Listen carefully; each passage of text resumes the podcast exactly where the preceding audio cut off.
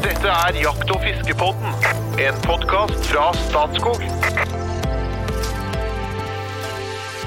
Hjertelig velkommen til Jakt- og fiskebånden. Nå hører du en velklingende trøndersk dialekt eh, fra Trond Gunnar Skillingstad. Til vanlig så er jeg kommunikasjonssjef i Statskog, men i denne sammenhengen så er jeg trønderrockens forsvarer og podsjef. Det betyr, i den sjefstittelen så inngår det egentlig hovedsakelig å få eh, podkasten å gå ned for landing, for det er ofte litt vanskelig. Når vi kommer først i varmen, så har vi lyst til å holde på, holde på, holde på.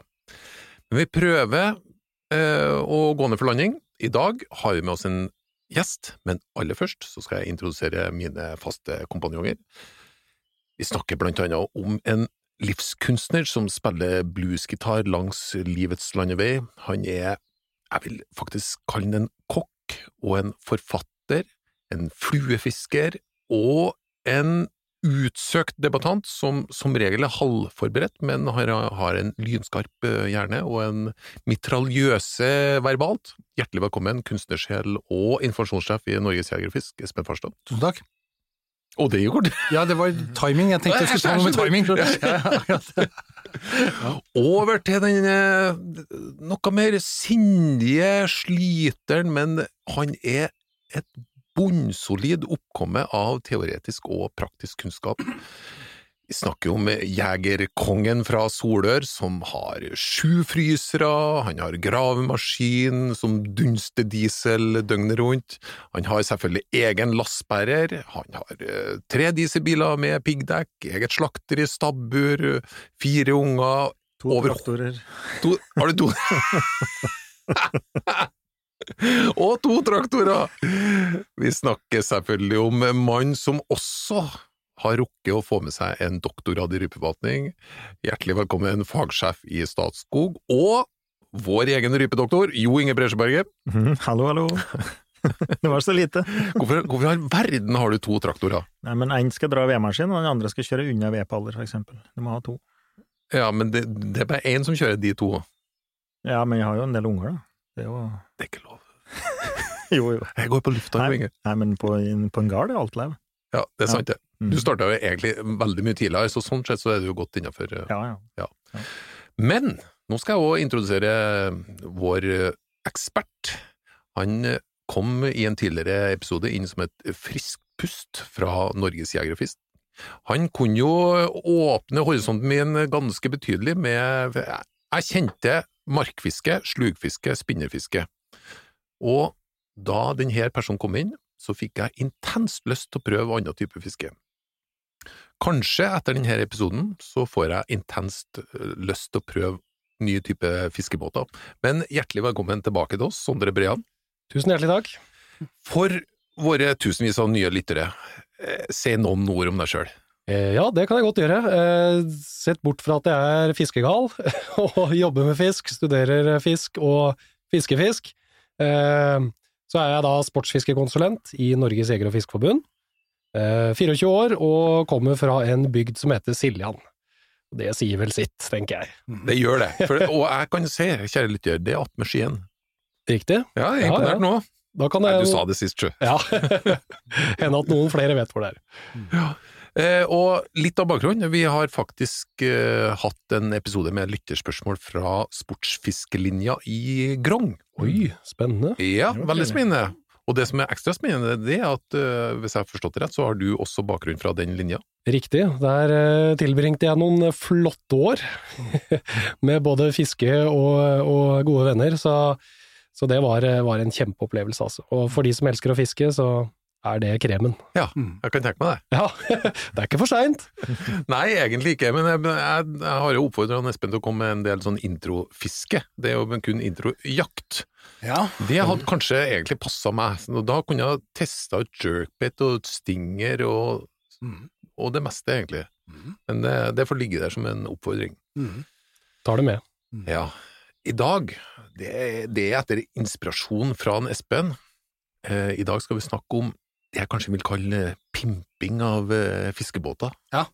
Det er helt riktig. Du har sett de der rånerne som kjører opp og ned på stripa i Bø i Telemark med, med sånne ragga Volvoer med revehaler og, Ja, ja, og hekken opp, liksom. Ja. Og laksetrapp i bakruta. Ja ja, så nå skal vi over i fiskeverden på dette. Nei, men du, egentlig ba bakgrunnen var jo at, at altså, det er jo det er jo en litt sånn der Ja, du får arrestere meg, Sondre, men det er en litt sånn amerikansk trend, tror jeg. Det er kanskje derfra det kommer fra. Altså høyt spesialiserte båter laget for et moderne fiske. Eh, på alle mulige måter. Vi skal sikkert komme i dybden på det. Jeg går kanskje ikke i dybden med en båt? Nei. Oh, oh, oh. Men, men, men ikke sant? Det, det er litt sånn spennende, for det er i ferd med å komme veldig, veldig mye nå. Og hva, hva liksom innebærer egentlig dette? Ja. Er det dyrt? Hva er det vi skal ha med oss? Hva slags båter er det? Hvor er det du bruker det, og hvorfor? Det har jeg lyst til å høre om. Og spennvidden her er sannsynligvis stor, for vi snakker jo om pimping av havfiskebåter til pimping av en kajakk. Kan, kan, har vi det spennende nå? Absolutt, absolutt. Hvordan i all verden skal vi angripe problemstillinga her da, folkens? Jeg er jo en lyttende sjel, sjøl om jeg er podsjef. gir seg vel sjøl. Sondre, hva slags båt har du? Ja. Ja, hva slags båt er jeg? Jeg har jo en av disse båtene som du sikter til, Espen, som Ja. kan se litt ut som en sånn eh, fæl rånebil fra, fra Bø bare i båtversjon, da. Ja. Og som du sa, nå er jo på en måte markedet kommet såpass langt at, at du får faktisk båter som er lagd til, til fiske, og gjerne spesielle typer fiske. Mm. Eh, så jeg har en, eh, det man kan kalle en eh, bassboat. ja. Ja, Er det det du har? Ja da. Å, jeg elsker jeg har nemlig, da Jeg må bare skyte inn med en gang. Jeg har nemlig vært i USA og fiska fra en sånn bassbåt, for jeg hadde så lyst til å fiske smallmouth bass, oh. som, som jeg bare har lest om, liksom, som fins der borte. Så vi leide oss en dag ut med en sånn, og det var en høyst spesialisert båt. Altså, den er lav, og den var flat foran, Ja. og det var teppebelagt. Ja, ja, så jeg kunne stå på teppet, det var ikke snakk om å skli på noe vått båtdekk der, altså. Og fiske supereffektivt! Altså, det var jo så kult! ja, ja. ja. Ja. Nei, det er fantastisk, altså. Du, jeg er fryktelig, forresten veldig misunnelig med takk på bassfiske, det er en sånn liten drøm her. Men eh, en bassbåt, eh, og som du nevnte Espen, det, det ligger litt i navnet av hvordan det brukes i USA primært, da. det er jo der denne båttypen kommer fra. Ja. Og karakteristisk, eh, flat, brei, eh, teppebelagt, som du nevnte. Ja. Det er jo et stort pluss. Ja. Det har litt sånn eh, at man bruker mye tid på å stå og fiske, da er det man gjør i disse båtene her. Men altså, båter i Norge i dag som har teppe, det er jo noe jålete greier som ligger ute i middagsbukta, hvor du i høyden skal drikke et glass hvitvin. Det er jo ikke snakk om å fiske fra de båtene, ikke sant? Nei, nei, nei, Så det er litt uh, atypisk. Det er det, altså. Det er det. Veldig atypisk. Eh, så det er en sånn båt jeg har, eh, og egner seg egentlig godt eh, til det vi kan kalle spinnfiske, at du står og fisker aktivt og kaster fra, fra en båt da, etter I ulike den grad arter. vi prater I 300 flat, så er det, ved, er det ved dekket du står på som er flatt, da. Ja. Altså båten i seg sjøl og vedbatten, vil jeg tro. Eller- Ja, det også varierer litt, da. Eh, Min har en ganske flat bunn, og det gjør at man kan komme seg inn på veldig grunt vann. Eh, Kan jo fiske inn på 30 cm, ikke sant. Og det muliggjør jo en del av, av, av spennende fiskeplasser. Mm. Spesielt inne på sånne grunne, sivkledde viker, og etter vårgjedde for eksempel, eller abbor som er oppe og jager på kvelden, eller sånne ting, da. Så du kommer liksom, kommer for snirkla deg inn i sånne eh, grunne områder, da. Men har du, har, du, har, har, du, har en stor nok motor bak deg at du kan frese over Tyrifjorden, liksom? For du må jo på litt store vann skal du sjøsette en sånn båt. Du kan ikke sette den på et tjern, ikke sant? For det er jo ikke lov. Nei da, det er riktig, det er riktig. Det blir jo Det. Nei, for du har ikke lov til med motorisert ferdsel på små vann. De skal være over er det fem kvadratkilometer, eller To kvadratkilometer. To Ja. Eh, nå er det jo åpna for at du kan søke om dispensasjon til å bruke elmotor. Ja. Men det er noe annet liksom enn det du kommer med her, for det, det er mulig du har elmotor på det, men Jeg du har jo elmotor foran òg. I tillegg, ja. ja. Nemlig motor foran og motor bak. Ja da. Ja. Det er én motor foran og én motor bak. Okay. Ok. ba- eh, Bakre motoren. det. Dvergemotor, eller, Eh, ja, Vi- vi kan jo komme- komme litt, eh, komme litt eh, inn på det etterpå. Eh, men ja, det sitter en ganske stor bensinmotor bak, det gjør Ja, det. ja. Eh, en 115 hester 115! på en 16 fot, så det, det Ja, ja, men du kan jo, hvis det blir kjedelig med fiske, så kan du drive med vannski, da. Ja, absolutt. Så det er veldig gøy. Hvor fort går den egentlig? Eh, nei, Du har aldri tre- kjørt på full fart, da, men hvis du skulle ha gjort det? 43 knop, noe sånt nå. 44 knop.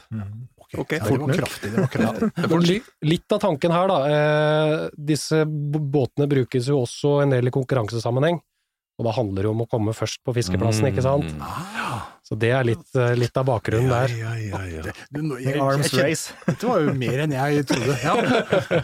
Så det ligger noen tanker bak. Eh, Så gjerne en bassbåt, eh, Flat, brei og stor motor. Eh, egner jo seg egentlig dårlig uh, utafor Sørøya i Finnmark. Ja, Det er på en måte ikke, ikke dens eh, hjemmebane. Men så er den rigga med Jeg går ut fra at dere, den, den kan være rigga til dorging òg, eller er den ikke det i det hele tatt? Nei, disse båttypene er ofte, er ofte rigga til å, å stå og kaste. Eh, Og så har du noen andre båter som gjerne har vedbunn, som du nevnte på, vedskrog. Egner seg bedre i litt større farvann, litt mer bølger. Type Mjøsa, kanskje Tyrifjorden og Trolling. Eh, og gjerne litt høyere eh, holdt på å si Kanter, eller kanter på båten. Eh, og Fribord. høyere fribord. Riktig, Espen, riktig. Hvor du har mulighet til å, til å montere disse stangholderne. Så på disse bassbåtene, så det er mulig, men det er ikke det de på en måte er lagd til. da. Men, betyr det, men dere er rigga med ekkolodd og sånn? Ekkolodd er på. Ja, da. Hva mer?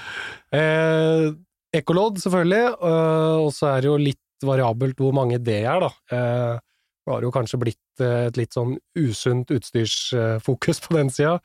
Nå er det jo båter med både tre og fire skjermer, Ja. eh, både foran og bak. Eh, gjerne ved konsollen, mens du kjører så har du kanskje dybdekart som du kjører etter, både i forhold til å finne fiskeplasser, men også i forhold til sikkerhet, at ikke du dundrer rett opp ei frittliggende grunne. Og også gjerne et bilde med, med et ekkolodd, såkalt eh, 2D-ekkolodd, som ser rett ned. Det, vi, det er kanskje det folk forbinder med et sånn klassisk ekkolodd. Ja. Eh, foran, på veldig mange av disse sportsfiskebåtene, så finner vi en elmotor Mm. eh, som har eh, flere veldig viktige funksjoner i, i fiskesammenheng. For det første så kan du bruke den som et eh, anker, elektrisk anker.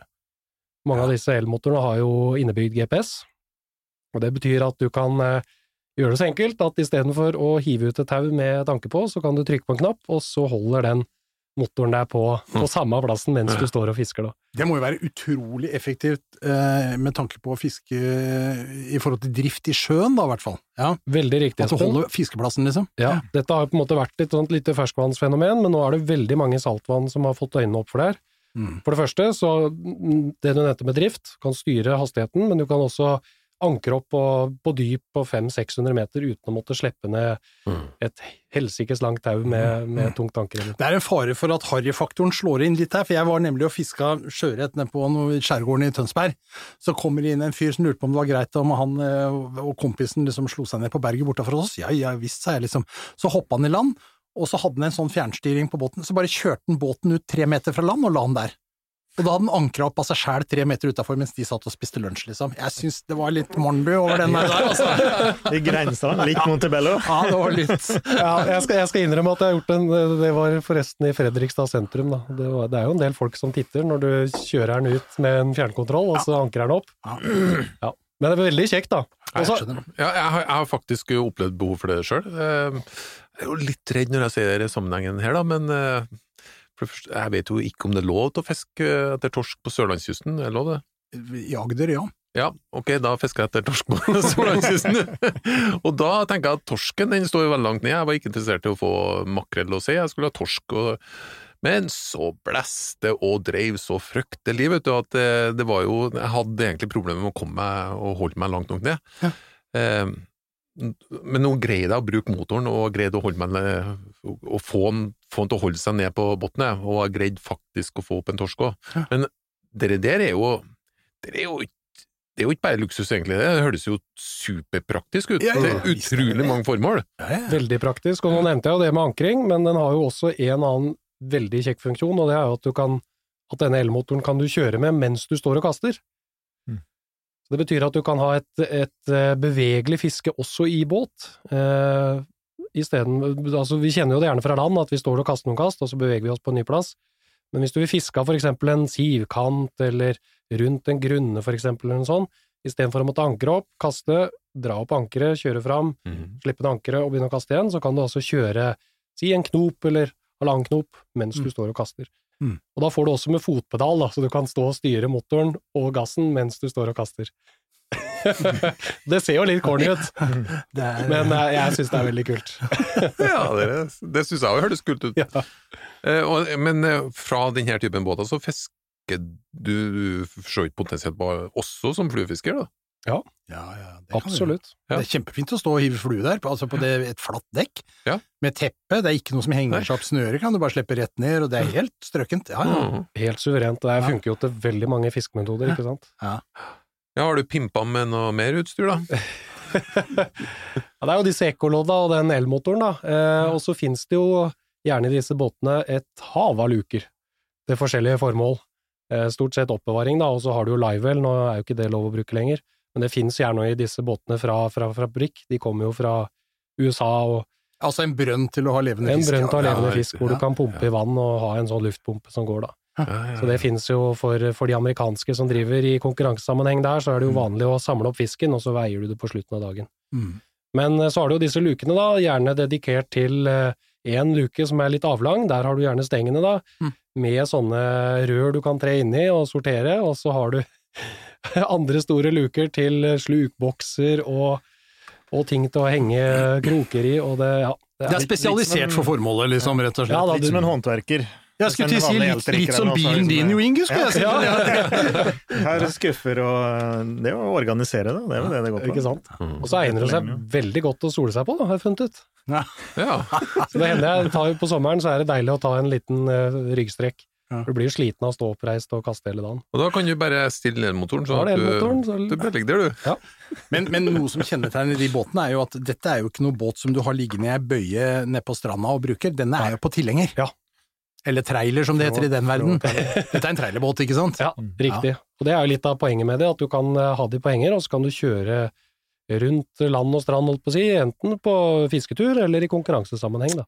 Så det blir, eh, blir noe du har på hengeren og, å kjøre rundt med. Nå la du opp til en limerick her, sånn, fordi Ja. at eh, du sa liksom eh, ja, full av utstyr og tilhenger og alt dette her, og da, da kom det sannelig en her, gitt. Så, Var det Sondre som la opp til det? ja, det var det. En, eh, en utstyrssugen dorgefisker fra Mølen åpnet bankkontoen helt uten nølen da koronaen slapp tak. Han kobla båthengeren bak og dro på båtharryhandel rett over kjølen. Ja. Du er så flink, Espen! Du hørte det? Det er godt. Imponert, imponert. Det må jeg si, altså. Men- er, men- er, men- er, dere, er dere et miljø som eh, driver på med det? Altså, har, du, har du frender som gjør akkurat det samme? Det Møtes er dere? det som er så kult, da. Eh, og gjerne, da snakker vi jo gjerne om gjedde- og abborfiske, kanskje, som har hatt en, en veldig oppsving i Norge de siste åra. I Sverige så har det på en måte vært populært i mange år. Mm. Men vi ser jo nå, som et resultat av at svenskene pusher ut vanvittig bra YouTube-produksjoner og filmer, så er det jo unger eh, borti Bergen, vet du, som hiver etter å prøve dette fisket her. Ja. Eh, og nå begynner det å bli et ganske stort og ungt miljø, da. Eh, hvor, eh, hvor da fiske og, og litt av dette båt, båtkjøret er i fokus. Men, men det finnes, det som er litt kult da, med dette miljøet, er at det finnes Du har alt fra små, enkle prammer og aluminiumsbåter opp til de der verste verstingene. Men alle er inkludert, og, og det er jo ikke utstyret som er viktig her, ikke sant? Det er jo måten du fisker på, hvordan du tenker. Eh, Men det man kan gjøre òg, som en del gjør, er å bygge om sånne små aluminiumsbåter da, til, til dette formålet. At de bygger da et sånt flatt dekk hvor de kler på teppet og bygger luker og Ja. setter på ekkolodd og, og rett og slett pimper den helt fra bånn. Ja. Og jeg har gjort det selv òg, så Mm. det er kjempekult. Det, det, som, det som kreves da når du har en sånn trailerbåt, det er at du har et sted å sette den ut. Ja. Og, og dette er jo en sånn, hvordan gjør du det, Det når du, hvis du har lyst til å dra på Tyrifjorden, hvordan eh, forholder du deg til det? Mm. Jo, det skal jeg fortelle deg. Finnes Da det går du til det noen som har greie på det? Da går du Ja, til ja, ja, ja. NJFF-appen, vet du! Altså, Ubetalelig! I NJFF-appen så ligger altså en komplett oversikt over båtramper i hele landet, hvor du skal parkere, og en kort beskrivelse av rampa, bratt eller skrå, betong eller hva annet du måtte trenge å vite. Alt er lagt til rette for deg. Det er veldig Det er faktisk veldig fint du sier, Espen. Eh, Altså, når jeg, før jeg begynte å jobbe her, så visste jeg jo faktisk ikke om at det fantes et sånt samla kart hvor du kunne, kunne finne disse båtrampene, og det er et veldig bra verktøy, spesielt på Innlandet, hvor Ja. slik informasjon gjerne finnes kun lokalt. Da. Og for å gjøre englevingene bak på ryggen her nå enda Ja. større, så kan jeg fortelle at det er ikke bare et kart over båtramper, men i, til, i samme kart er også merket av alle tilrettelagte fiskeplasser for handikappede, som vi også har vært med på å bygge opp et landsdekkende nettverk av. Alt tilgjengelig i NJFF-appen. Dere gjør mye bra i Norges Jeger og Fisk. Ja, du er, trenger ikke se så overrasket ut. Nei da, men dette er jo kjerneområdet vårt. Det. Vi skal jo gjøre fiske tilgjengelig for alle, og det men, da mener vi alle. Og hvis det er noen som uh, lurer på om de skal velge å gå inn i Jeger og Fisk uh, eller ikke, så kan vi anbefale, anbefale å gå inn. Og apropos valg, Er vi på Apropos. Er det oppspill? Ja, Det er et oppspill, ja, det kom helt naturlig her nå. Men nå er det, det er ett, ett valg som dere må ta. Jeg aner faktisk ikke helt hvor dere vil lande, men eh, det er en interessant diskusjon bak det. Sondre, ja. sist du var her, så var du enig med dem før i deg hele tida. Ja. I dag skal du få lov til å starte. Takk, takk, takk. Og etter det så kommer du, Espen. Ja. Og så kommer du, Jo Inge. Ok. Spørsmålet er kort og brutalt. Svanejakt eller bøffeljakt? Oi. Det her er jo langt utenfor mitt felt, men eh, jeg, jeg, tar, jeg tar bøffel. Hvorfor det? Godt spørsmål. Ja, Eh, Svane er jo freda i Norge, så ja, ja og jo, det, og det skal vi komme inn på, men eh, så det, det er tillatt her nå. Det er vel Vi- for så vidt bøffel òg, bare for å ja. Helt sikkert. Som sagt, det er ikke mitt felt. Jeg, jeg tok en råsjanse her. ja. Nei, men ok, du gikk for bøffel. Espen? Jeg går for svane.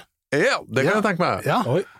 Nei, det- altså, det, jeg, tror, og jeg, jeg understreker, jeg tror, jeg vet ikke, men jeg tror at svane vil smake ganske godt. Ja. Eh, vi har ikke noen tradisjon for det i Norge, men i Danmark så skjøt man sin julesvane i gamle Ah. dager. Så, så det her er eh, Og det er klart, bestanden begynner å nærme seg at vi kunne ha diskutert det, men jeg tror ikke vi skal ja, jeg, tror, jeg vet ikke helt, da. skal lirke frem noe her nå. Ja, nei da. Ja, Men i denne sammenheng så tror jeg jeg hadde valgt svane, Ja. Du går først svane. Vær så god, Jo Inge Presjeberget. Nei, jeg hadde skutt med julesvan. Hadde. Det kunne vært å skutt en bøffel også, men eh, akkurat det tilfellet her, valgesval, Ja. julesvane. Nå skutte de grå, de unge, de smaker best. Ja, du etter tror det? sigende. Ja, ja, Jeg har vært på Island, jakte gås. Der eh, var det jo tradisjon for å skutte seg julesvane. Og så meldte de seg, eller de skulle i hvert fall inn i EU den gangen, og da syntes de ikke noe om det, den svaneskuttinga på Island. Nei. Så var jeg der på gås, gåsejakt med noen amerikanere, og så kom det da ikke gås, men det var jo svane forbi, og så kablam, kablam, kablam, kablam. Da guiden likte ikke det noe særlig. If you can't tell the difference, don't shoot, don't shoot! men da var det skutt i grå, da, altså unger, skutt i produksjon. Ja. Hadde ikke hatt noe kvaler med det. Hvorfor ikke jakt på svaner, Jo Inge? Nei, det er jo litt vår panda, eller det er slike symbolarter. Knoppsvane kunne vi hatt. For bestand, er bestanden sterk nok? Sannsynligvis så kunne man, ut fra et rent bestandshensyn, kanskje hatt en, en forsiktig beskatning, men, men Vi kunne jakte Husk- svane med unger, da, altså produksjon. Altså, jakta, jakta i Norge står på to bein. Det skal, det skal være bærekraftig i forhold til bestanden, Ja. Og og så skal det være en tradisjon. Og den Ja. tradisjonen har vi ikke, sånn at uh, det Ja, altså, så Går litt det litt tilbake i tid, så har vi nok spist en del svaner i Norge, men uh, det er i hvert fall ikke i moderne Det var før jaktloven av 1899, dette, Jo Inge. Ja. Han jeg hørte om, så han, han syntes tranere var litt senete. liksom, altså, vet han det. Det var en gamling, da. Ja, ja. Men eh, ja, jakte svaneunger, altså produksjon, det hadde, hadde nok gått an. En Ja. svane. Mm.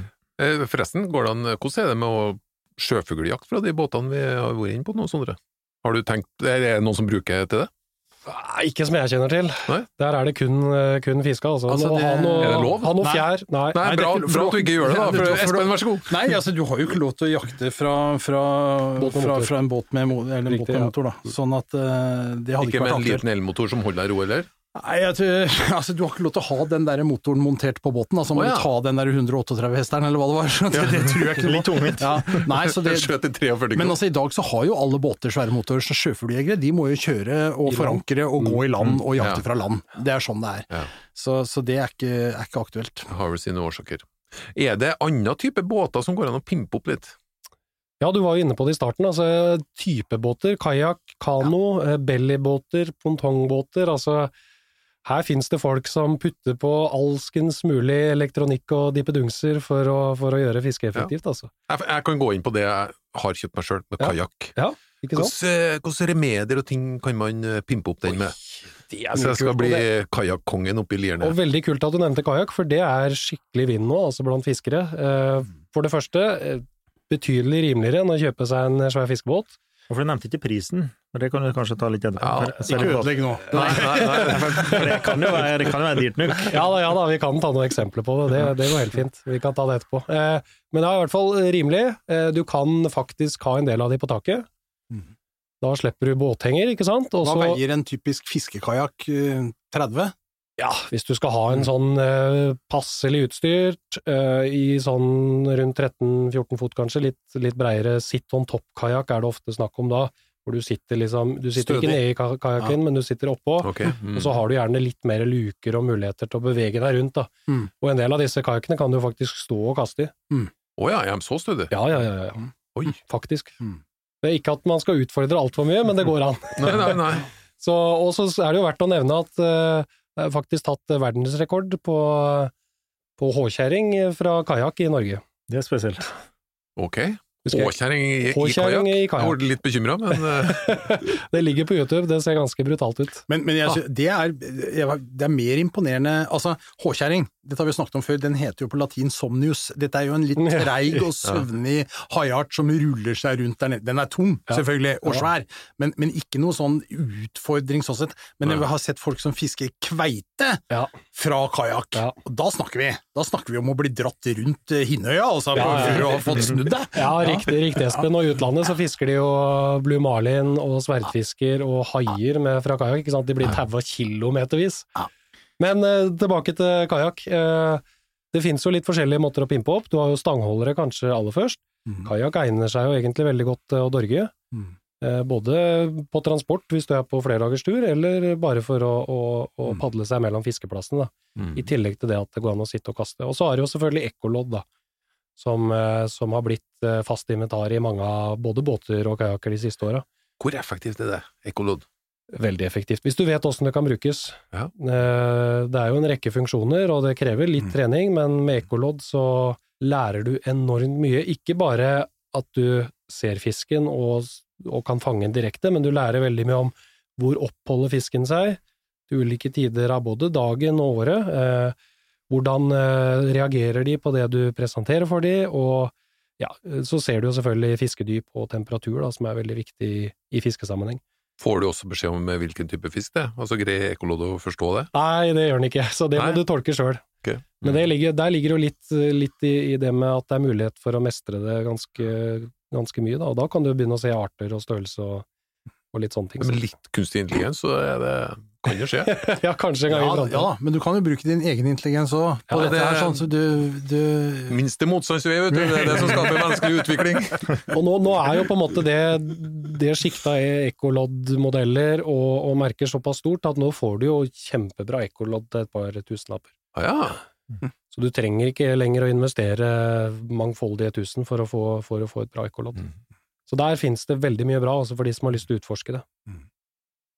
Noen av dere to som har prøvd uh, fiske Prøvd fra kajakk eller kano er sikkert òg aktuelt her, da. jeg har jo en helt spesialisert fiskekano, og har hatt det i mange år, Ja, ja. eh, som, som, men jeg beveger meg litt andre veien enn Sondre. Altså, den er, det er jo en egokano, altså det er en enmannskano. Jeg sitter midt i kanoen, og jeg bruker en kajakkåre, en dobbelt åre, i den kanoen.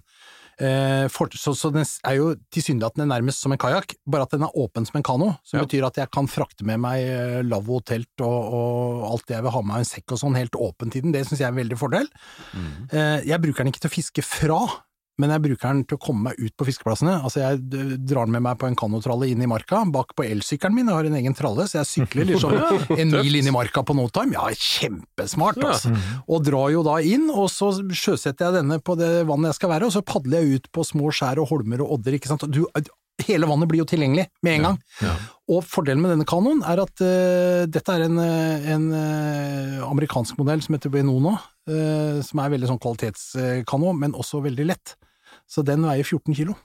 Den veier ikke 30. Det betyr at jeg kan med Ah. enkelhet løfte den opp på taket på bilen og snappe den fast og dra den med meg og bære den ned til vannet hvis jeg trenger.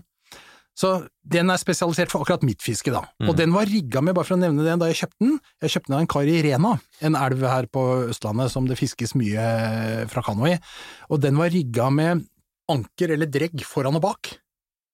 Og et tausystem som gjorde at jeg satt midt, du sitter midt i kanoen, og så bare slipper du ut eh, et søkke da, som egentlig var en, en gammel ølboks fylt med bly, som bare legger seg på bånn, ikke sant, og så har du dregga opp, og så kan du ligge opp, hvis du, du driver nedover, ser en fisk, der står en ørret og vaker, så slipper jeg ut dreggen bak, og så blir jeg liggende liksom i elvas retning og kan fiske på, på, på den ørreten. Så det er spesialisert for fiske, det finnes mange varianter av dette. Ja. Den uh, jegerkongen på Solør, i Solør, I Sevilla. I- i- ja. i Solør, Mhm. har du fiska noe særlig fra båt? Fra båt. Jeg fisker enormt mye fra båt, ja. Ja. Men ikke kajakk og kano. Har du fiska fra en pimpa båt? Nei. Ikke, eller ja, jo, jeg har prøvd det, da, men jeg har, jeg har ikke det sjøl. Det har jeg ikke. For jeg har drevet vurdert om jeg skal kjøpe når jeg blir stor, har jeg tenkt å kjøpe. Ja. Ja. Og det, for det har jeg sett på, for det er noen eh, i kompisgjengen som har slike fl- flatbettende båter, da. Ja. Og det har jeg funnet at det passer mitt fiske ganske bra. Så det har jeg tenkt på. Så når jeg blir stor, skal jeg ha med det. Ja, ja, ja. Jeg holdt på, gikk på en i sommer, faktisk. Det var litt dere koronatimes og Eller, ja. Det var en som hadde kjøpt seg båt og så ikke hatt den, da. Og så syntes han ikke fikk fiske nok, og så skulle han selge den, men eh, da ble det litt for sein. Ja. Men det var en type pimpe med flat batten, ekkolodd og elmotor framme. ja, for hvis du ikke skal pimpe den sjøl, Mm. så, går det- så, så, så går det kanskje an å søke litt på Finn, da, eller? Det gjør det, og nå, altså det her har jo vært stort uh, i Sverige og ellers av Skandinavia i mange år, uh, så der finnes det jo et, et godt bruktmarked òg. Som Limericken sa, dro over kjølen. Ja, Ja, ikke ja. Og det er veldig mange faktisk fra Norge som importerer båter, spesielt fra Sverige, men også fra USA og, og andre land. Da. Eh, Men nå begynner det faktisk å bli, bli litt sånn bruktmarked for det i, i Norge, så hvis man ikke har lyst til å hive seg på noe splitter nytt, eh, så finnes det, det ofte bra, bra muligheter brukt òg, altså på Finn for eksempel. Mhm. Da er muligheten for å spare noen kroner eh, ganske stor. Det syns jeg egentlig var en eh, grei landing for denne utgaven. Det er, jeg syns det var veldig spennende å høre om ting som jeg strengt tatt nesten ikke visste at eksisterte i Norge, vel å merke. Mm. For at jeg har sett denne typen båter mye på film, og kanskje fra Australia og USA, men eh, aldri liksom hørt om det miljøet i Norge. Og det hørtes veldig spennende ut, og det, og det var utrolig praktisk utstyr som gjør at uh, fisket blir enda mer spennende og mer målretta. Så det var veldig artig å få et innblikk i det. Ja. Vi kan jo selvfølgelig ikke gå ut av denne podkasten uten en liten hot or not. Før det, kjære lytter, hvis du fortsatt kjenner til noen som ikke har forelska seg i Jakt- og fiskebåten, så kan du sende dem et lite kjærlighetsbrev og lokke dem inn. Vi har plass, fortsatt litt plass til enda flere lyttere her nå.